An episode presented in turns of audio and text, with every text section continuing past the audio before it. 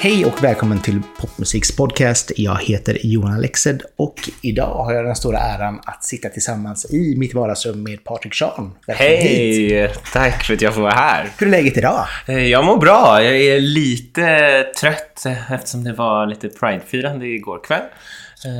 Stängde du, stängde du baren? Nej, inte riktigt. Eh, Men det blev lite efterfest på hotell, ett hotellrum. Så att, eh, Klassiker. Ja. Ja, det, känns som att det var evigheter sedan man ens hade den möjligheten. Så att, eh, man försöker bara njuta och det var svårt att bara gå och lägga sig. för att man hade så kul. Så, Jo, men man har väl väldigt mycket så här adrenalin ja, gud ja. ef- efter en sån upp, uppträdande och hela, hela grejen med, med Pride. liksom. Ja, att- verkligen. Verkligen så. Hur mår du? Jag mår jättebra. Mm. Alltså trött framförallt. Men eh, det är liksom så här standardmood för mig, känns det som alltid. Så här. Ah. Mer eller mindre trött. Eh, men kaffe kommer till att göra susen Ja, även för mig. Perfekt. Mm. Men hur, hur var själva spelningen för dig? Hur, hur var Alltså det var känslan? fantastiskt. Jag tror att jag inte har eh, insett hur mycket jag saknat en publik förrän det faktiskt var en publik där. Eh, för att man har lite vant sig vid att göra andra typer av gig, antingen liksom någonting digitalt eller för få människor. Eh, men den kicken var ju helt otrolig att få stå framför liksom ett, full, ett fullt rum. Och ja, alltså det, det gick jättebra så jag känner mig så nöjd. Underbart. Ja, när vi gick förbi när vi skulle iväg på, på middag igår, så att då, det var lång kö redan Mm. Ja. klockan eh, sex. Liksom, så Ja. att, jätteroligt att så många ville samlas. Liksom. Ja, och just liksom Pride är alltid så uh, fantastisk publik att få framträda för. För att liksom, alla är där för att sprida kärlek. Så att, Ja. Och man känner verkligen den energin när man står där på scen. Så att, eh, nej, det var magisk upplevelse. Har du någon sån här speciellt Pride-minne från tidigare år som du känner att åh, det här var magi? Eh, nej, men det har alltid varit speciellt, men jag eh, uppträdde på Pride första gången 2016, tror jag. Eh, och det var liksom samma år som jag kom ut. Ja. Så det blev en väldigt så, ja, jag vet inte, gripande stund. För att jag liksom, ja, det var bara några månader efter jag hade kommit ut och så kände jag då för första gången att så här, nej men gud, jag har ju ett community att luta mig på och liksom att få stå där på scen framför, alltså det var, det var bara så mycket som... Det var en här full circle moment på något vis. Eh, Så det kommer jag alltid bära med mig. Det är en sån där, det här var värt varenda en, en, en enda ångestanke innan Ja. man kom Ja, ut. liksom, verkligen att få stå där. Vad, vad var det som gjorde, för då, då var det ändå 26, 25. Mm, 25 Ja. någonstans, ja. Exakt. Vad var det som gjorde att det tog så pass tid för dig? Att känna dig trygg i dig själv på det sättet? Jag tror, alltså dels så hade jag nog inte insett det, eh, konstigt nog, förrän då. Ehm, jag tror att när jag ser tillbaka nu så finns det ju tecken på att det alltid har varit så här. Men eh, jag, eh, man blir nog lite en expert på att trycka bort det om man inte vill inse det. Liksom. Ehm, sen hade jag en flickvän som jag var jättekär i. Ehm, och ehm, vi var tillsammans i nio år. Jaha. mm. Så träffades när vi var 14 liksom. Så att, äh, när det tog slut när vi var 23 så var det liksom första gången jag var singel och ens började reflektera över vad, vad jag var intresserad eh, av, förutom henne. Liksom. Och där någonstans så började jag väl utforska och det gjorde jag väldigt mycket i smyg. Liksom. Det var ingen som visste, men då träffade jag både killar och tjejer och sen så landade jag någonstans i att det är killar som Passade gäller för mig. Ja. Liksom, att, Hur, hur tog exet det? Bra faktiskt. Ehm, jag var rädd att hon skulle tänka att det vi hade inte var på riktigt. Liksom, för att, men och så var det ju verkligen inte. eh, Utan, eh, jag var jättekär i henne, men jag tror kanske snarare att hon var undantaget. Eh, och, eh, och hon vet vad vi hade, så hon tog det jättebra. Och, eh, ja, nej, hon har varit jättestöttande, så det, det är fint. Men jag tycker det är viktigt. Alltså det är många som snackar om det här att oh, man måste komma ut och det man ska Mm. inte göra en så stor grej av det och så vidare. Men samtidigt, det är en stor grej. Alltså, Ja. Man ska hitta sig själv, man ska vara trygg i sig själv. Exakt. Och förstå, alltså, det är inte någonting som man kanske... Vissa kommer på det över en natt. Och bara, Eller när de är sexuellt medvetna och bara ja, det är killar eller det är tjejer. Liksom. verkligen. Medan andra, ja, det tog tio år för mig. Ja. Och känna liksom, då var jag ändå 21 Så att när jag kom ut. Så att, Men Mm. det var ändå liksom den här... Det behövde den tiden för att processa. Ja. Och sen var det liksom några år som man verkligen... Ja men jo men, jag är nog bög. Punkt. Ja. Och sen ska man ändå någonstans ta steget från att okej, jag vet var jag själv står. Nu ska man ta det vidare till föräldrar och vänner. Och. Exakt. Exakt. Så det, är, det, är en, det är en svår process ändå. Ja, och jag tror... För mig funkade det väldigt bra att eh, ha det som min egna lilla hemlighet eh, i början. För att jag gick inte runt och mådde dåligt, utan det var mer att jag tyckte att det var spännande och eh, jag ville göra mina egna villkor och fatta vad det här var innan jag berättade för folk. Eh, och sen så, för andra så kanske det är ett stöd från någon annan är precis vad de behövde. Men jag, jag behövde bara få vara själv med det här och liksom processera innan jag berättade för folk. Ja, men det, det, vad, vad, om man går tillbaka till Pride, vad betyder Pride för dig? Ehm, det var... Jag tror faktiskt att efter en Pride-kväll så var det nog första gången jag sa det till mig själv, att jag är nog gay.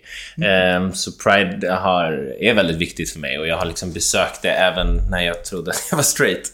Ja, okej. Ehm, så har jag ändå varit på Pride-festivaler. Ehm, så det, det har på något sätt funnits i mitt liv alltid och jag tycker att det är så extremt viktigt.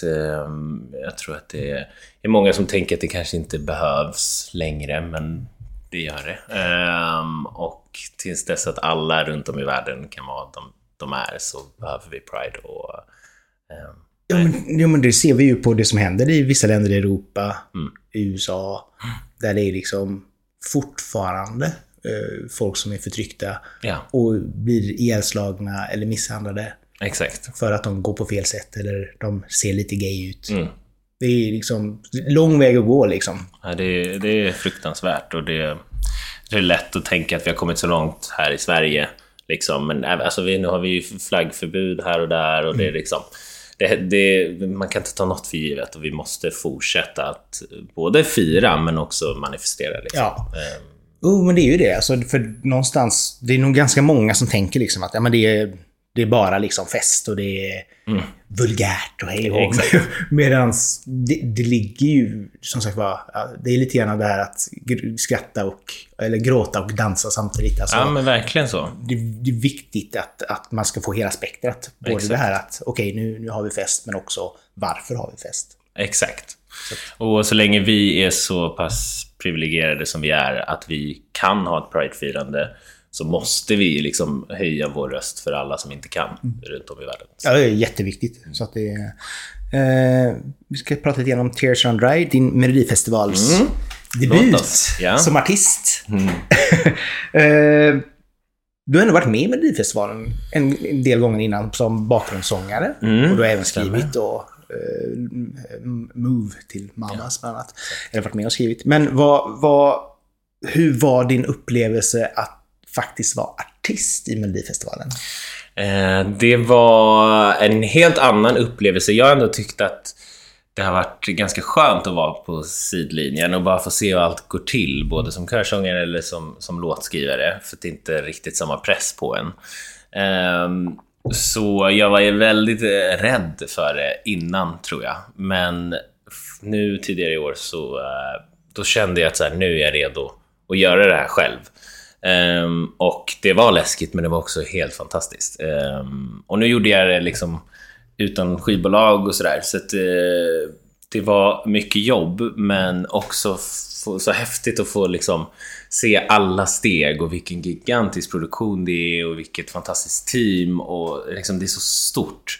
Så att bara få se det från den sidan och alla rep och, och alltså det det var magiskt. Sen hade man ju kanske velat ha en publik. Eh, nu kände jag efter igår kväll att... Eh, men det var ändå... Jag är så glad att det gick att genomföra mitt i en pandemi. Liksom. Eh, Ja, och det var ju väldigt snyggt genomfört också. Just det här att det, det såg ju ut som det var, alltså det var ju en stor scen, men just det här att det, det, det kändes som att det var på riktigt. ja, men verkligen. De hade fått eh, till att kännas att det inte var tomt. Liksom. Eh, så att det var helt magiskt. Men, Samtidigt så är ju Melodifestivalen, det är ju grund och botten en, en TV-show. Så det har ju alltid varit anpassat för TV. Sen får du ju den här jag kan tänka mig som artist, adrenalinkänslan av att du har 20 000 personer som sitter och viftar. Liksom. Ja men exakt, det är alltid en extra kick av mm. energi som man får. Så det var lite svårt för mig i alla fall att koppla på, eftersom man gör rep dagarna innan som ser exakt ut som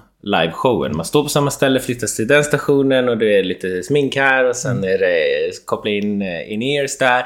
Eh, så det var lite svårt att tänka nu, nu är det på riktigt, nu är det live, nu ska du liksom mm. eh, vara 100%. Eh, men för mig som första gångs liksom, som debutartist så tror jag att det också hjälpte lite mot mina nerver att, att jag, ja, jag kunde om jag ville låtsas som att det bara var ett rep. Ja. Um, så det var, det var både bra Jo, men det är väl det här. Det är väl som, som du säger, du har både den här adrenalinkicken av publiken men också nervositeten mm. av att okej, okay, det sitter folk där ute. Don't mess it up. Exakt. men det är ett väldigt snyggt nummer med dansarna. Uh, hur jobbar ni fram det? Uh, nej men, uh, jag och en kille som heter Julius Hayes hade lite idéer om vad vi ville göra och så tillsammans med teamet på SVT så kom vi fram till att vi ville skapa någonting som liksom, ja men dels utmanade normer och där det var en balans av vad som är typiskt maskulint mm. och vad som är typiskt feminint eller liksom vad, vad normen för det är och bara liksom blanda ihop det. Så det är allt från liksom kläderna, liksom att det skulle vara bara överkropp på dansarna och nästan lite matador-känsla med mm. hög midja. Men sen några hade byxor, några hade liksom, eh, kjolar och eh, fantastiskt med blommor och liksom så. Och sen alla rörelser var också en blandning av liksom ganska hårda poser, men sen mjuka liksom flowy rörelser. Mm. Så att, um, jag vill skapa ett universum som kändes liksom, där alla var välkomna. Mm. Um, så det var väl det ja. vi försökte illustrera. Så åt, åt, återgick och såg det nu här nu när jag mm. satt och förberedde mig inför detta. Och som sagt för, när man ser det live där och då så blir det kanske lite grann som ett ja, men dansnummer. Men ja. när man sätter sig ner och verkligen så här tittar på det ordentligt, för det blir ju svårt att göra det i direktsändning, ja. liksom, så, så märker man ja, men, väldigt snygg, snygga rörelser, snygg koreografi. Det är väldigt ja. så här, väl, välregisserat. Ja, men verkligen. Alltså, det var, alltså, de gjorde ett fantastiskt jobb på Melodifestivalen för att liksom, möta det jag ville mm. få ut. Ehm, så jag är, jag är sjukt glad att det blev som det blev. Kul! Mm.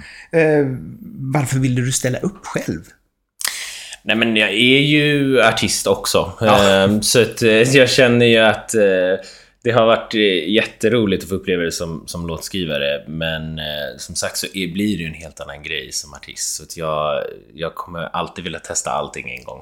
så så det, det kändes nog självklart. Speciellt efter att vi liksom fick vinna hela skiten tänkte jag säga, hela kalaset året innan med The Mamas. Då blev det att man fick lite mer smak och, och kände så här, ja nu vill jag, vill jag stå där också. Nu vill jag göra samma resa. Ja, ja men ehm, det, det, var, det har nog alltid funnits i bakhuvudet att eh, jag en dag ska stå på den scenen. Mm.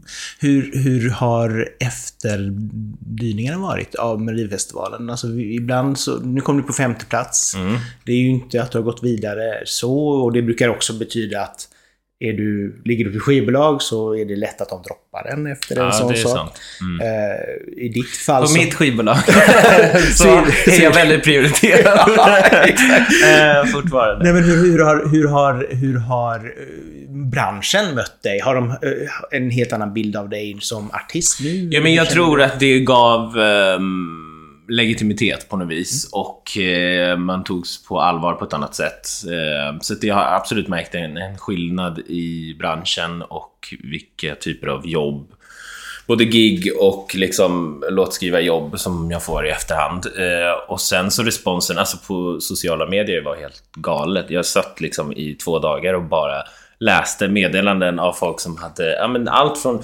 unga hbtqi-personer till liksom föräldrar som har pratat om liksom, könsnormer mm. eh, med sina fyra, femåriga barn. Eller liksom, det var någon mamma som hade en son som älskade att gå runt i klänning. Eh, som hade liksom stått helt mesmerized när han tittade på det här. Och det, bara det i sig är en vinst för mig. Eh, så att jag, det är såklart det hade varit jättekul att gå vidare och jag tror att ja, men då kanske man hade haft större chans för att få den på radio och lite sådana grejer. Eh, men jag känner ändå att jag fick ut det mesta som jag ville få ut av det. Ehm, och... Nej, jag vet inte. Det... Nu har ju, alltså, eftersom det har varit en pandemi så har man kanske inte kunnat eh, rida på den vågen på samma sätt. Eh, det var ju först när det var Stockholm Pride som jag uppträdde igen. Efter, liksom, då hade, då hade det gått ett halvår ja. sedan jag giggade. Men att då få möta folk, en publik som faktiskt sjöng med, det har jag aldrig upplevt. Eh, så det var ju helt fantastiskt. Eh, Underbart. Och det eh, tror jag att Melodifestivalen var liksom en stor del av, att bara presentera mig för den stora massan. Mm. Ehm, och sen får man förvalta det på bästa sätt man kan. Ja, nej, det är jätteviktigt liksom. Och samtidigt också så är det, det är ju... Nu har ju du en, en väldigt stark eh, streamhistoria på Spotify till exempel. Man ser ju väldigt ofta på eh, artister som har varit med i Melodifestivalen så har de liksom, deras mest streamade låt är just Melodifestivallåten. Mm, mm, mm. Men du har ju ändå låtar som har streamats ännu mer eh, och väldigt mycket mer. Ja, det stämmer. Så att det är ju ändå kul att du har ju ändå någon form av, liksom någon form, du har ett starkt varumärke redan från början, vilket är riktigt roligt att se. Ja, vad kul. Ja, ja men det, det är jag jättetacksam för. För att jag tror att många som det är många som inte har vetat vem jag är och så går de in och kollar och så tänker de så här, jaha, nej men han har mm. hållit på ett tag mm. och det finns mer material liksom. Och det tror jag också har varit viktigt för mig, att tajmingen med att göra en sån typ av kommersiell grej där man når ut till en stor massa, att det finns annat att lyssna på och inte bara den låten och sen måste man då slita för att bibehålla det. Utan ja, ja. Jag, jag har haft eh, en karriär på sidan av också. Mm. Eh, som fortsätter i samma tempo oavsett om jag är med i Melodifestivalen eller inte. Och det, jag tror att det är viktigt att, att tänka ja, långsiktigt. Ja, absolut. Och sen har du ju liksom... Jag menar, ta det då som, som 24 eller, eller eh, Prosecco. Till, alltså du har ju mm. ändå haft stora hits. Och då kanske det har varit så att du har varit den här spellisteartisten mm. på det mm. sättet att folk kanske oh, jag älskar låten. Ja, men, men jag vet inte riktigt vem artisten är. Ja, och det, det, känns ju som att det är väldigt mycket så med musik idag. Att det är liksom en låt som blir stor eh, snarare än artisten. Mm. Eh, för att det släpps så otroligt mycket musik. Så att, eh, det är liksom, allt handlar om de här siffrorna. ja, det är helt, helt vansinnigt. Ja. Ni kan ju kolla lite grann på det här med, med för som sagt, för du så, var ju inne på det att du inte anlitade något skivbolag. Du hade Clap Your Hands PR mm, Exakt, och jag har ett management, Northbound, som uh, har varit vid min sida. Ja. Men, uh, men du har ju gjort allt. Alltså du är ju verkligen en sån do-it-yourself-artist ut i fingerspetsen, känns det som. Ja, men ja, det kan bero på att jag har lite av ett kontrollbehov. Eh, men jag tycker också att det är, det är så kul att, att vara med från idé till release liksom. Mm. Och jag har alltid så mycket idéer. Um, och... Uh, ja, men alltså min svaghet kanske är att jag inte är jätte, alltid jättebra på att kompromissa. Så det är liksom, då blir det att... Ja, men om jag har liksom bestämt mig att så här ska det låta, så här ska det se ut. Så är det svårt. Nu har jag ju folk runt omkring mig som jag litar på, men mm. det har tagit tid att hitta de människorna. Så att bara lämna över det till någon som ska förvalta det känns läskigt för mig. Så att, eh, jag tror att jag måste, i alla fall just nu, göra allt själv. För att jag, jag eh, är så rädd att det ska bli någonting annat i slutändan annars. Eh, för att man också kanske för att man har sett från sidan många artister som har tappat sig själva ibland. Eh, när för många åsikter har kommit in i bilden. Um, Absolut. Så jag tror att det finns väldigt mycket fördelar med ett skivbolag, men det finns också nackdelar. Så att, eh, för mig har det funkat att köra själv. Ja, och du har ändå liksom så här gjort mer än vad väldigt många skivbolag har gjort. Alltså du har ju haft busshållplatsreklam. Eh, liksom. ja. säg, säg den eh, oberoende artisten som har gjort det. Liksom. Ja. Alltså, så att du går ju verkligen all in. Ja, men jag tror att det har varit... Eh, lite en strategi kanske att få det att se ut som att det är ett jättestort skivbolag bakom. Eh, för att man ska ta det på allvar. Eh, så det handlar ju bara om att synas och hitta på nya kreativa lösningar. Och det, allt runt omkring musiken är också så roligt att göra. Så att, eh, Ja, ja, det, det kan jag tänka mig. Sen, sen eh, är ju Magnus eh, fotograf, Ja. videoregissör. Alltså, Exakt. Det känns ju som ett litet, att ni har ett litet enterprise. liksom.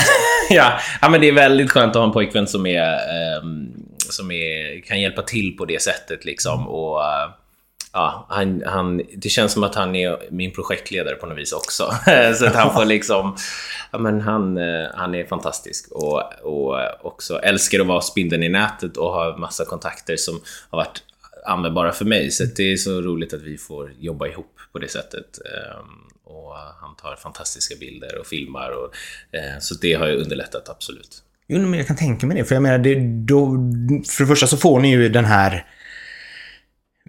visuella delen av dig som artist som ni jobbar ganska hårt på. Nu är det mycket då med, så har det varit med pärlorna i ansiktet på, på, på senaste singeln och just att det känns som att ni har hittat ett, ett, ett bildspråk som är du någonstans. Ja, men verkligen. Och det, ehm, det har ju tagit ett tag och vi har experimenterat jättemycket och han har fått mig att eh, pusha mig själv utanför min, min comfort zone. Och det har liksom resulterat i att jag har hittat, vågat också kanske vara mer queer än vad jag har vågat tidigare. Eh, och röra mig på ett sätt som, som jag har velat men inte vågat. Liksom. Ehm, och, ja, och även på bild då, att det är liksom ja, tänka lite utanför boxen som jag Mm. aldrig hade kunnat göra själv. Liksom. Ehm, utan ibland behöver man någon som har det där visuella ögat. Mm.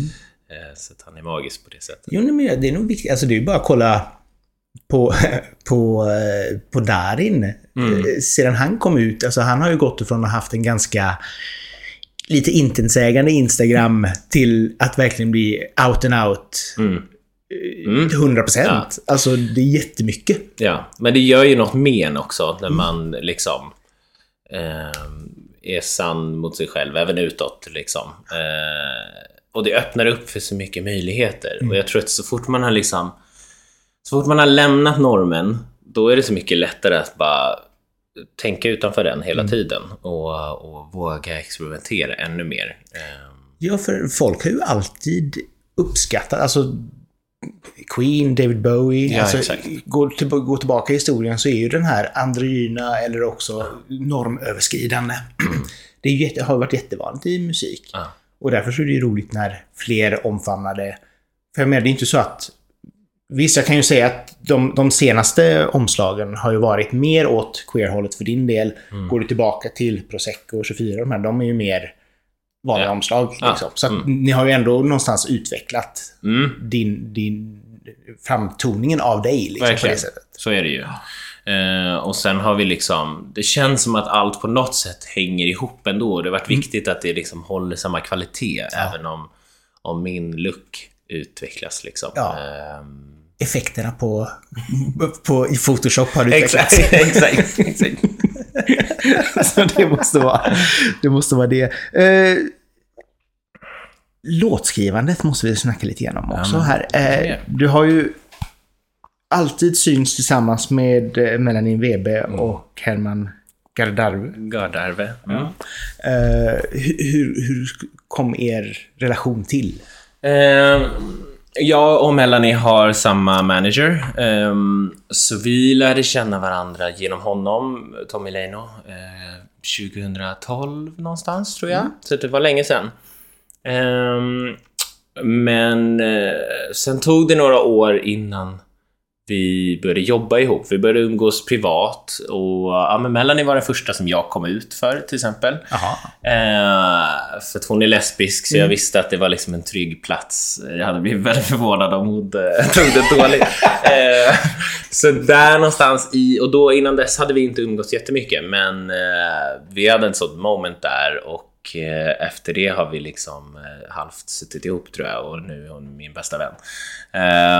Och sen, jag tror att det var via henne som jag träffade Herman. Äh, eller var det någon som jag Jag har ju, när jag spelar med band så är det ett gäng gotlänningar som brukar vara med. Äh, och äh, Herman är också gotlänning och kompis med dem, så det, det kan vara via dem.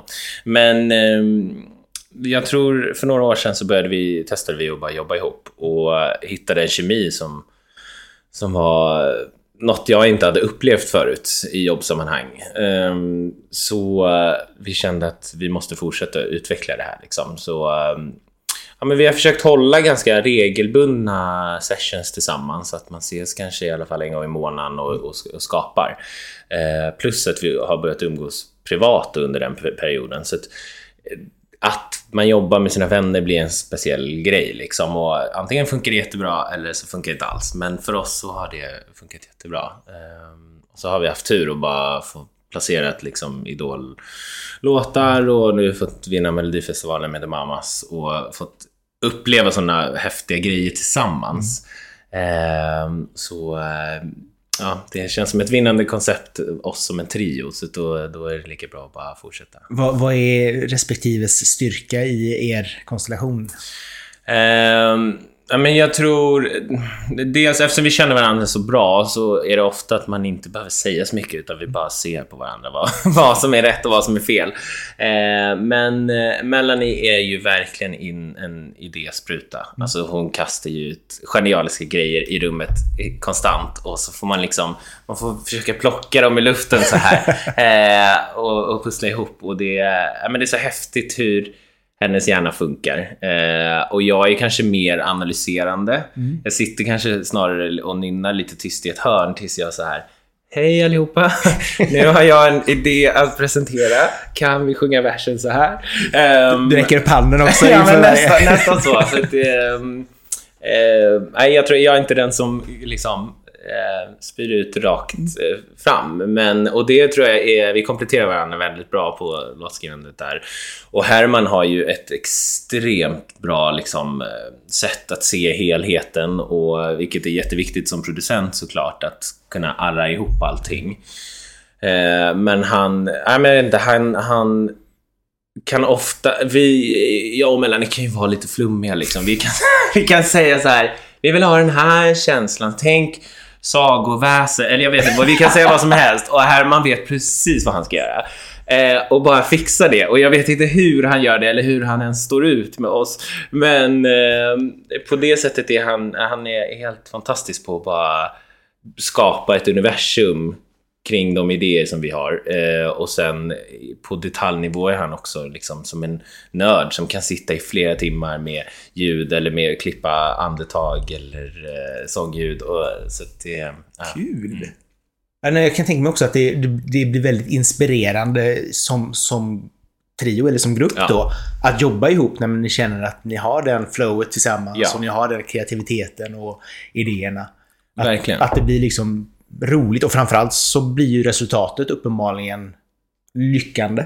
Mm. I och med att ni ändå har haft så pass stora hits med de låtarna ni har gjort. Mm. Liksom. Så att ni har ju någonting som gör att ja, det, funkar, det funkar på hela vägen. Ja, liksom. ja men det, jag tror inte att vi hade liksom kunnat skapa någon av de här låtarna utan om en av oss hade försvunnit liksom, mm. ur, ur konstellationen. Så det, det har behövts vara... Alla har fyllt en funktion som har varit viktig för att det ska bli vad det har blivit. Roligt. Mm. Ja, nej, det känns som att som sagt var att det är just det här också att man ska ha kul när man gör saker och ting.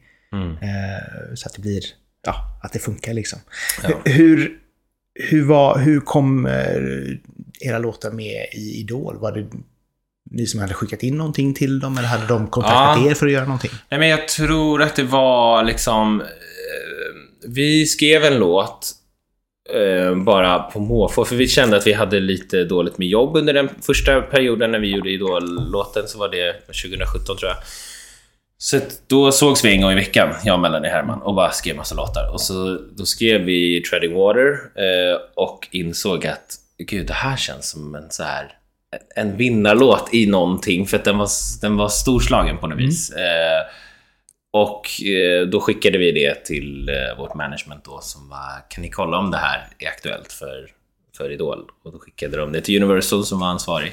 Eh, Frida Boström som är fantastisk eh, A&R på Universal eh, som tyckte att den passade perfekt. Eh, så att det var verkligen bara, jag vet inte, det var tur på något sätt. Ehm, och det var intressant att det var liksom en låt som vi skapade, inte i, i det syftet, utan bara vi skrev den och sen efteråt insåg att så här, det här passar.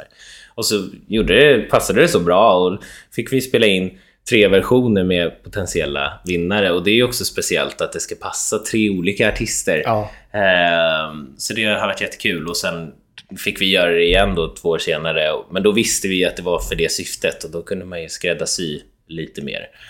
Ehm, Var det också det som öppnade dörren för The Mamas? De ligger ju också på Universal. Ja, kanske. Det måste det nog ha varit. Jag är så dålig på att komma ihåg varifrån saker kommer. Jo, men det kan ha varit eh, deras A&R Frida faktiskt som eh, hörde av sig och eh, sa att de vill att The Mamas ska göra Melodifestivalen. Liksom. Eh, så där var också... Då, då hade vi inte haft någon kommunikation med The Mamas överhuvudtaget och visste inte riktigt vad de ville göra och de hade ju inget eget sound då än. Ehm, utan vi fick på något sätt tolka det vi hade sett när de körade bakom John Lundvik eh, och liksom den aura som vi såg när vi tänkte på The Mamas. Liksom, och att det är kärlek och det är glädje och eh, ja, men vänta, gemenskap på något vis och systerskap. Ehm, så att vi, vi satte oss ner och tänkte så här, vi, vi ska naila det här. Så då skrev jag en låt och bara höll tummarna att de skulle gilla det och skickade det till dem. Och så, som tur är så gjorde de det. Ehm, och när de spelade in den, så den dagen i studion var också ett sånt magiskt ögonblick. Att det klaffade så, för det kan ju också... Det kan ju vara att det inte passar överhuvudtaget när man hör liksom någon, en artist sjunga det man har skrivit. Men jag tror vi alla satt och grät liksom, när vi lyssnade på inspelningen sen. Ehm, för att, eh, jag vet inte, det bara, allt bara kändes rätt hela vägen. Ehm, och jag tror även under tävlingen så var det mycket liksom, det var pressen som inte riktigt trodde på uh, The Mamas och, eh, eller den låten liksom. eh, att det skulle gå hela vägen. Men det fanns något i oss som kände hela tiden att så här, varför inte? Varför, varför ska det inte förtjäna att vinna? För det här, det, det, blev, ju, det blev ju jättebra. Eh, och så, så, ja, så att vi fick vinna var ju helt galet liksom. Och samtidigt så, med andra ord, så var det lite grann ni som skapade The Mamas och deras sound, kan man säga. På det sättet, om det var så att säga så, men det, ja, tillsammans med dem Ja. kanske liksom, för att de har ju ändå varit med och liksom ehm, satt sin prägel på, eh, sin tolkning Mm. av vår låt liksom. Men ja, vi, vi, vi jag har varit en stor del av det och det har ju varit eh, jätteroligt liksom. Och så fått fortsätta jobba med dem efteråt och skriva fler låtar och liksom. Är det, är, är det så när man skriver åt andra? För jag menar, jag kan tänka sig när man skriver sig själv så vet man exakt vad man... Mm. Kan, det kanske man inte gör det heller i och för sig, för man kanske börjar där på ena sidan och så slutar man någon helt annanstans. Men just det här att hitta ett bra samarbete som låtskrivare och artist. Alltså att i det här fallet då The Mamas. Mm. Att hur, hur är det att hitta en sån konstellation när man känner att Ja, men vi, vi vet vad ni vill ha, eller vi vet vad, vad ni går för och vad ni kan behöva. Här har vi en låt som vi tror absolut kommer passa er. Mm. Eh, och när man känner liksom att åh, det klaffar så bra. Ja. Hur, hur liksom... Det känns som att det är så få förunnat att hitta den eh, konstellationen liksom låtmässigt. Att kunna få vara låtskrivare och kunna använda samma artist och samma grupp flera gånger. Liksom. Ja, nej men jag tror, alltså det är få förunnat ändå. Alltså för att det är så många låtar som man skriver där det inte där det inte klaffar. Eh, så att eh, men, det- publiken får ju bara se det som faktiskt har klaffat. Så det kanske är lätt att tro att det är liksom att det är någonting man levererar hela tiden. Men man får vara ödmjuk inför att det inte alltid kommer funka. Eh, och eh, liksom känna in och lyssna in artisten. För att det, det finns eh, mycket folk som tycker att de vet bättre än artisten vad den personen är och står för. Eh, och det för mig känns som ett jättekonstigt sätt att tänka som låtskrivare. Utan det, det, har man möjlighet att liksom få prata med artisten eller känna in så tycker jag att det är så värdefullt att ehm, ja, men vi ska ju fånga det de vill förmedla. Ehm, vårt jobb är inte att säga vad de ska göra, utan så här, det här är ett förslag. Vill du göra det här? Eh, och säger de nej så är det också okej. Okay. Och det vet man som artist att det, det, alla har sin integritet liksom och det måste man respektera. Ja, och sen kan jag tänka mig också att det är en stor skillnad om du till exempel skriver någonting som hamnar hos Justin Bieber, säger vi. Mm. Alltså, Ja. för det, då är det kanske inte skrivet till honom, eller för honom, utan du har skrivit en låt Mm. Exakt. som han har tagit. Ja. Inte tagit, men Ja. tar, tar sig an. Eh, och det är väl en jättestor skillnad mellan det och till exempel att sätta sig ner med en artist och nu ska vi skriva en låt tillsammans. Eller rätt sagt, Exakt. vi ska skriva en låt till dig. Ja, I det fallet liksom. Så att, verkligen. Det känns som en väldigt spännande process också att, att skriva fram en låt till någon annan. Ja. ja, men det är det. Och jag, jag älskar det. Jag tror att både Melanie och Herman också, vi, liksom, vi brinner på något sätt för att eh, skräddarsy låten. Nu kallar vi oss The Tailors till och med. för att vi älskar så pass mycket att skräddarsy en låt åt en artist. Men att bara få bara ha den här timmen innan man börjar jobba, ett, som en liten terapitimme och bara, men vad går du igenom och vad har, liksom, vad har hänt i ditt liv? Eh, Jag tycker att det är så fantastiskt det mötet, för det är så intimt ändå eh, att skapa musik ihop med någon. Ehm, och när man väl, när det då klaffar och när man fångar det i en låt så är det en helt obeskrivligt magisk känsla liksom. Ehm, och ja, Jag, jag kan tänka, jo, men det kan jag tänka mig också, just det här att du ska ju förmedla en känsla, artisten ska förmedla en känsla och ni ska tillsammans skapa den känslan. Mm. Så att jag menar, det är ju inte bara ord, alltså det är många gånger som man pratar med artist och så kan de ibland säga så här att nej men, åh nej, jag vet inte riktigt vad den här låten handlar om. Och man bara, fast du måste ju veta vad du, Mm. Ja. vad du sjunger om. Alltså det är ju Verkligen. jätteviktigt att kunna, ja, du ska ju förmedla någonting. ja, Och bara, det kan vara liksom en känsla, den här bara, åh det är så jobbigt att gå upp på morgonen. Mm. Då är det den känslan. exakt, exakt, ja. eller att du är jättekär, eller vad det nu må vara liksom. Ja. Så att, nej, det är jättespännande. Lite grann om din egen musikresa då. Vi har som sagt var bad dig lista fem album eller låtar som Ja. har betytt mycket för dig. Ja, men om vi börjar från eh, början, tänkte jag säga. Men jag tror den första skivan som jag liksom lyssnade sönder var nog faktiskt Robin. Eh, hennes, Robin is here tror jag den heter. Som jag stal från min stora systers rum och liksom spelade på repeat med ja, Do You Really Want Me och alla de låtarna. Eh, och jag minns det omslaget så tydligt när hon ligger i någon sorts flyttkartong i Just typ en pyjamas. Ehm, så där tror jag jag blev kär i popmusiken liksom. Ehm, så ja, nej, och hon är ju for- fortfarande en fantastisk artist liksom. Ehm, så det, det tror jag präglade mycket av mitt låtskrivande så här i efterhand. Att eh, ha lyssnat på den kommersiella poppen på det sättet. Och då var det ändå den här rb poppen som hon gjorde då, Mm. Ja. innan det blev mer elektro liksom. Så, Exakt. och det hör man ju mycket rb influenser i din musik. Ja, men exakt. Ja, och det har jag inte ens kanske tänkt på att det kan, kan ha haft med det att göra. Men, eh, för jag tror sen jag gick vidare från det till ännu mer R&B pop med typ Craig David. Ehm, så hans album Born to Do It är väl också en sån, eh, eh, ett, ett, en sån musikskatt som har präglat mitt sound. Och jag tror att jag lärde mig sjunga på ett visst sätt genom att liksom imitera hur Craig David sjöng. Ehm, och ja, men under den perioden, det var nog där jag hittade, jag lyssnade mycket på så Savage Garden, Truly Madly Deeply och bara, ah, nej men gud, hittade falsetten och, och bara, nej men en kille kan sjunga la la la la la Eh, Och liksom, jag vet inte, att bara att härma alla de här artisterna gjorde att jag liksom där någonstans hittade min röst liksom. Ehm, Den souliga poprösten. Ja.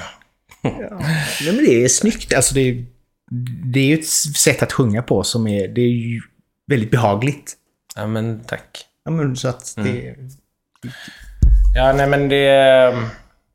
Jag vet inte, jag, jag eh, har ju alltid varit lite av en sångnörd. Och det är ju det är ju sången och texter som jag lyssnar mest på när jag lyssnar på musik. Liksom. Det är det jag fascineras av, starka röster. Liksom. Så att sen när jag började skapa musik så Det var ju svårt kanske att sätta fingret på, eftersom det var en fusion av allting så var det svårt att sätta fingret på exakt vad mitt sound var. Men jag tror sen när Sam Smith kom mm. så var det lätt för, för mig att förklara för folk att det är ungefär det här. Liksom. För att han gör nog ganska likt det jag började med att göra. Liksom, med, med mina lugna låtar i alla fall. Och liksom det här emotionella poppen som jag älskar. Mm. Um, så han har också varit en jättestor influens, eh, helt klart. Och sen är det också roligt för Sam Smith. Jag menar, första gången jag hörde Sam Smith, det var ju med Disclosure. Mm. Eh, en latch. Ah, fantastisk oh, låt. Så, så jävla bra ah. låt. Och liksom...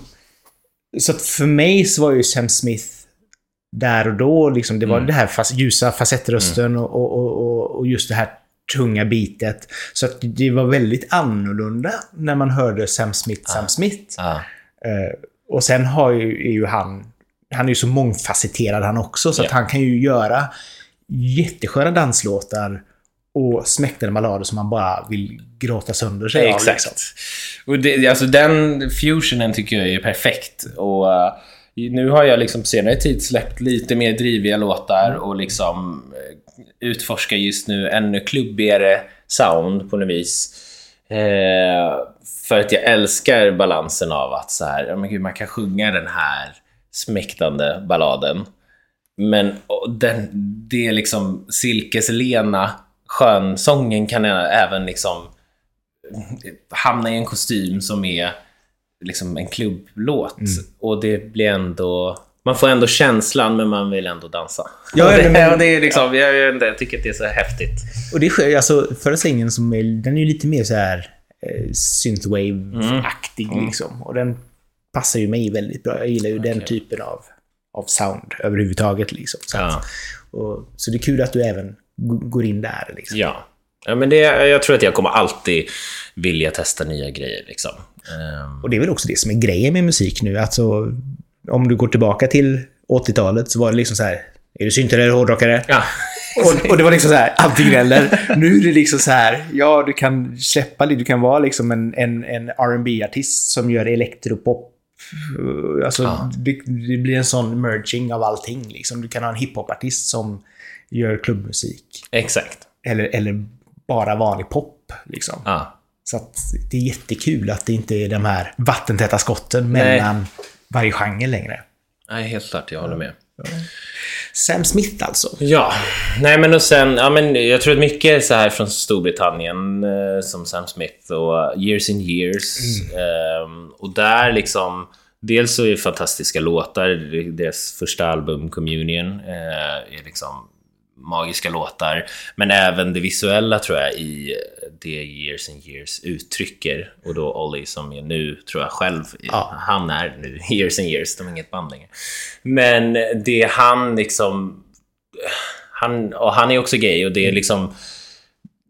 Hela det uttrycket att våga liksom spela på the queerness mm. eh, har inspirerat mig jättemycket.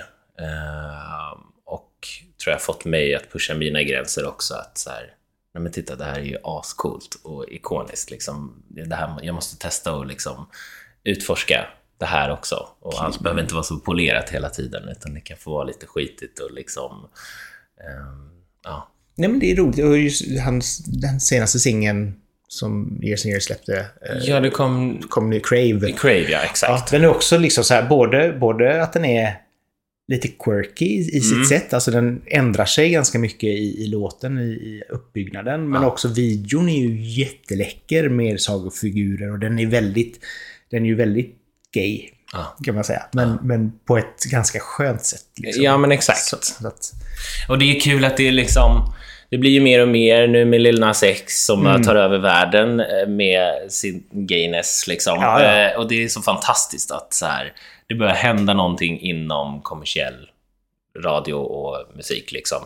Eh, där det blir ökad representation och det är så viktigt. Liksom. Ja, och samtidigt så blir det också, alltså Lil Nas är väl ett typexempel på det här att du kan ha en artist som är hiphoppare, mm. ascool och sen ändå gay mm. på det sättet. Alltså någonstans så blir det okej okay för den typen av genremusik Ja, att vara lite mjukare. exakt. Och, och det känns också jätteviktigt liksom att det kommer upp, det är, lite, det är ju samma sak inom sportvärlden, alltså att Mm. även om man tycker att det är en, en, en no issue egentligen, men det är jätteviktigt att den här fotbollsspelaren kommer ut, eller ja, men hockeyspelaren, exakt. eller då i det här fallet då hiphop-artisten. Liksom. Ja. ja, men verkligen. Det var ju någon eh, amerikansk fotbollsspelare som kom ut som var liksom den första öppna eh, spelaren som har spelat Ja. en match någonsin. Alltså det, är liksom, det känns ju sjukt att vi sitter här 2021 och vi inte har haft en, en i hela USAs historia Mm. och deras fotboll att det inte har funnits en, en homosexuell spelare. Eller öppet i alla fall. Nej, och som akt, aktivt öppen spelare. Exakt. Ehm, så det är fantastiskt. Ja, nej, det är, och det är jätteviktigt för som sagt var hela communityt att, att vi får de förebilderna. Ja. Ja, och vilket, vilket jäkla ansvar det är för dem. Det är ju liksom inte helt rättvist kanske att de ska bära allt det, men att de vågar göra det är, är magiskt. Och jag tror att därför, så här, för mig är det också viktigt att på något sätt vara öppen med min sexualitet, men också liksom ja, allt. Liksom, att, och även mina texter, att de är ärliga, för att det är viktigt att, att visa folk att det är okej att känna och det är okej att vara skör och det är okej att vara gay. Ja, nej, men, nej, men, och samtidigt så var du ju inne på det tidigare när du sa det här att du hade fått väldigt mycket mail och, och kommentarer ifrån mammor till exempel. Eh, med det här med... Deras barn. Ja, exakt. Alltså, bara där gör ju att du någonstans blir också en förebild för en genera ny generation. Mm.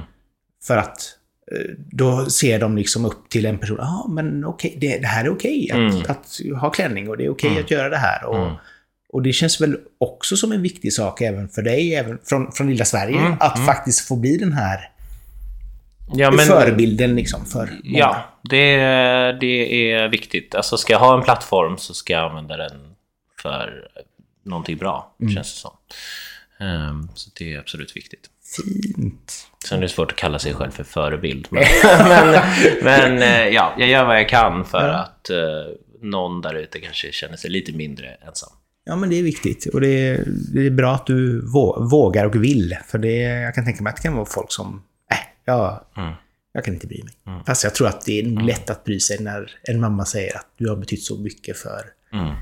Min son eller vad det nu var. Liksom. Ja, nej, men det, och det har ju man fått höra i sin karriär av folk som är så här, kan du inte tona ner lite på det här eller det här för att du ska attrahera en, en bredare massa eller liksom vad som helst. Ehm, och det gör ju snarare motsatt effekt för mig. Då blir jag så här, vet du vad?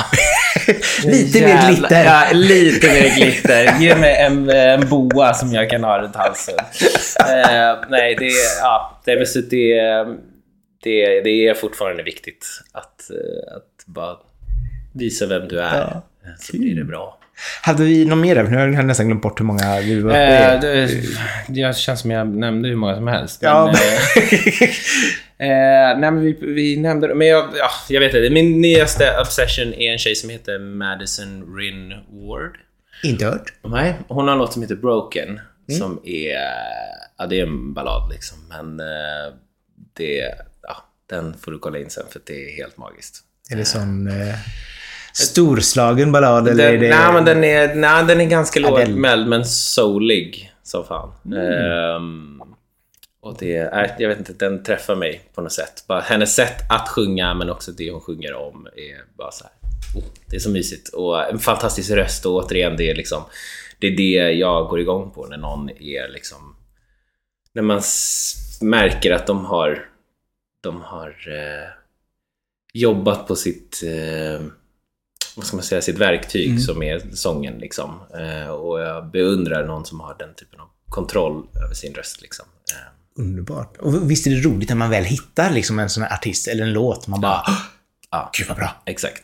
Och så sitter man och youtubar allt man någonsin har gjort det hela tiden. Ja, det, är, det är fantastiskt. Ja, eh, För alltid Mm. släppte du för ett tag sedan. Eller ett par år sedan. din första och enda låt på svenska. På svenska, ja. Mm. När kommer... eh, Väntar du på Så mycket bättre eller är det... När kommer mer... Nej, jag väntar faktiskt på ett samtal. Jag hoppas att de ringer snart. jag fattar inte varför de inte har gjort det. Nej, men... ehm, det var jättekul. Mm. Och eh, som sagt, jag kommer alltid vilja experimentera. Och det var låt som bara... Jag skulle skriva någonting på spanska. Jag frågar mig inte varför. Jag pratar knappt spanska. Eh, Men jag tror att det var ett sätt att bara utforska ett annat melodispråk. Och jag hade, kände att jag hade fastnat lite i liksom samma typ av låtar och sound och liksom eh, behövde någonting nytt. Och eh, Eh, så bara kom det ut svenska ord och eh, både jag och Elias Neslin då som jag jobbade med den låten på, eller på den låten med. Eh, vi hajade till och bara, "Nej, men det här är nog ganska nice. Så då skrev vi den låten väldigt snabbt den dagen. Ehm, och jag tror inte jag hade där och då någon plan om att släppa den, men, men jag fortsatte att bara lyssna på den hemma och kunde inte riktigt... Jag kunde inte få ut den ur hjärnan, så att jag kände att jag måste släppa den här. Och då, men då visste jag inte om jag skulle göra mer på svenska eller inte. Men eh, det blev den och jag har inte stängt den dörren. Eh, jag kommer säkert kanske göra någonting i framtiden på svenska, men, men jag har gått tillbaka till att och, och skriva på engelska igen. Men den låten absolut gjorde att min inspiration på något sätt kom tillbaka, tror jag. Eh, och väckte liksom lite nytt liv i mig. Ja, så Mm. det var bara den d- odd, odd thing out som Ja. gjorde att det kunde gå framåt igen. Liksom. Ja, men lite så. Men eh, jag älskar fortfarande den låten, så det var, det var kul att få göra det.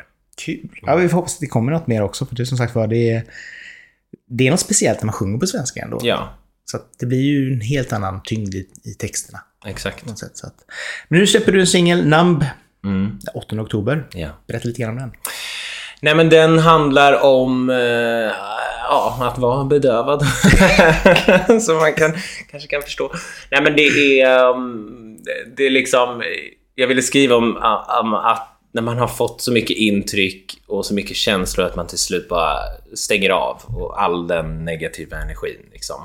Eh, och det går väl att relatera till allt, både allt som händer i världen, men i det här fallet är det då skrivet om en relation, att man har liksom blivit sårad så pass mycket att man inte orkar eller kan bry sig mer. Så att nu vill man bara liksom dansa och stänga av. Ehm, Så det är det den handlar om.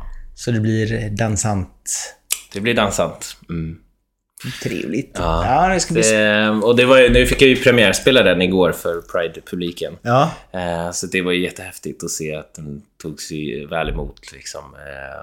Och att den funkar bra live. Det är också viktigt när jag skapar musik att det går och, att det blir bra när man framför det sen Ja. också. Eh, Så det, det var en väldigt häftig upplevelse. de, de dansade. De dansade. Ja, perfekt. vad, händer, vad händer framöver för dig? Eh, nej men det är fokus på, eh, på den singeln nu. Eh, jag ska försöka, nu när det har öppnat upp, eh, boka lite spelningar. Eh, skriva massa mer musik. Jag hoppas kunna släppa liksom en EP nästa, eller kanske ett helt album nästa år. Eh, så det är vad som är härnäst. Har du eh, skickat in någonting till Melodifestivalen? Det kanske jag har gjort. Det behöver inte vara för dig heller. Det kan ju faktiskt vara för något exakt. som gör... Eh, Nej, men jo, det, det har jag gjort. Jag har varit eh, del av lite olika projekt. Mm, kul. Ehm, och eh, så får vi se om det blir att jag är med igen eller om jag är med som låtskrivare. Ehm, men ehm, på ett eller annat sätt så hade det varit kul att vara en del av, av den cirkusen igen nästa år. Men vi får se vad de... Det är upp till dem. Ja, jo. det- Ehm, men det är så himla kul. Så att, ja. Och framförallt så har det ju blivit en sjukt viktig plattform för Mm. svensk popmusik överhuvudtaget. Verkligen. Eh, och det är ju att även om man fortfarande, många kan gå omkring och tycka att Melodifestivalen är skit, Mm. så är det ju jättebra att få in en låt där. Gud, alltså, ja. alltså, bara som låtskrivare, du behöver inte vara med och sjunga om du tycker det där är meningslöst. Liksom. Men, men skicka in en låt, det är ju Ja. grymt. Liksom. Verkligen.